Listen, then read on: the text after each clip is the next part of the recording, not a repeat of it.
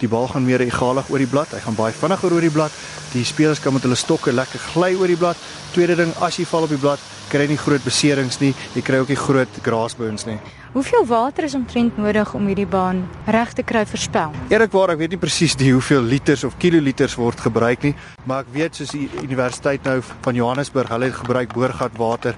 Ek weet daar's ook baie stelsels waar hulle water opvang, weet want dit dit filtreer deur die baan, waar baie van die bane die water weer opvang om die water weer te gebruik. So dis nie 'n gewone drinkwater altyd wat hulle blaai mee na spuite en meeste van die tyd kan jy ook kyk soos in Kaapstad waar hulle 'n winterreënval het, baie keer spuit in die blaai nat en dan hulle 'n tipe van 'n sandkorrel wat hulle gooi op die blad wat ook die bal laat die gale gaan. So so daar's 'n paar verskillende blaaie wat mens kry. Maar dit is as nou praat van die water-based AstroTurf wat hulle nou obviously baie baie water gebruik. Uh natuurlik op gewone warm dae moet hulle die blad weet halftyd partykeer weer nat spuit, weet die water verdwyn baie vinnig onder die warm son, maar die winter hou 'n bietjie langer en natuurlik in die aand gebruik hulle 'n bietjie minder water. Wat is die materiaal waaruit die baan bestaan? Daar's baie verskillende sintetiese bane wat mens kry, maar dit is basies 'n tipe van 'n plastiek wat gewewe word en jy kry verskillende, so ek sê diktes van die baan, jy kry verskillende plastieke.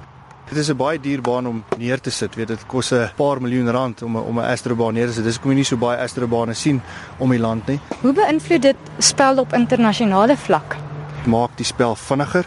Dit maak die spel meer aanloklik vir spelers om dit te speel. So ek het vroeër gesê die bal is konstant op die veld en dit is 'n meer 'n natuurlike spel en vinniger spel wat dit meer exciting maak vir die wedstryd self. Waar's baie meer doele wat aangeteken word as gewoonlik op gras en dit is net omdat die bal nie rond spring nie. So ek sal sê ja, definitief dit dit maak 'n groot verskil weet op 'n internasionale vlak. Jy kan nie op gras oefen en internasionale hokkie speel nie. Dit is onmoontlik. En tot nou op die Premier Liga hokkie velde, ons praat nie net van internasionale hokkie nie kan jy ook sê dis baie belangrik om jou oefeninge op 'n astrobaan te hê as jy 'n wedstryd op astrobaan speel want dit is twee verskillende Dis amper twee verskillende spelle. Ja, absoluut. Gou 'n bietjie voel voel die astro. Is 'n baie fyn tekstuur. Dis ook belangrik is hoe die astro weet gelê word. Onder die astro natuurlik is daar 'n sementblok en daar is 'n rubbervlak.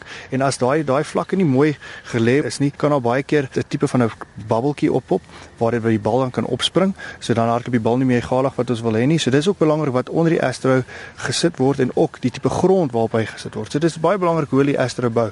En soos jy nou sê, weet dis 'n egalige mat. As hy nie onder gelyk is nie, weet sal die probleme optel. So dit is alles 'n mengsel van goedjies wat belangrik is. So jy as speler, as jy op die veld stap, waarna kyk jy? Ja, baie keer as ons nou internasionale span kom jy by 'n stadion aan, veral as dit 'n splinter nuwe mat is, weet jy die mat gaan 'n bietjie stadiger speel. So hy's nog nie regtig ingespeel nie. Dit vat gewoonlik so een seisoen met baie reën en baie spel dat die mat vinniger en vinniger word. So ons kyk eerste plek na dit toe of die mat vinnig genoeg is en dan sou ek vir jou gesê het om te kyk of die oppervlak egalig is, die mat mooi gelê, is hy egalig, is daar sekere plekke soos ons weet in die sirkel, dis waar al die doele word aangeteken in die sirkel het ons kort hoekies. So ons kyk ook op baie keer as daar as daar miskien 'n babbeltjie in die mat is wat ons weet as die bal uitgestoot is moet ons miskien weet ons striker of ons flikker een kant toe skuif en dan oor die babbeltjie gaan. So ons kyk na al hierdie tipe van van van dinge. Toe hulle nou die baan nat gemaak het, was dit hoofsaaklik sproeiers van buite.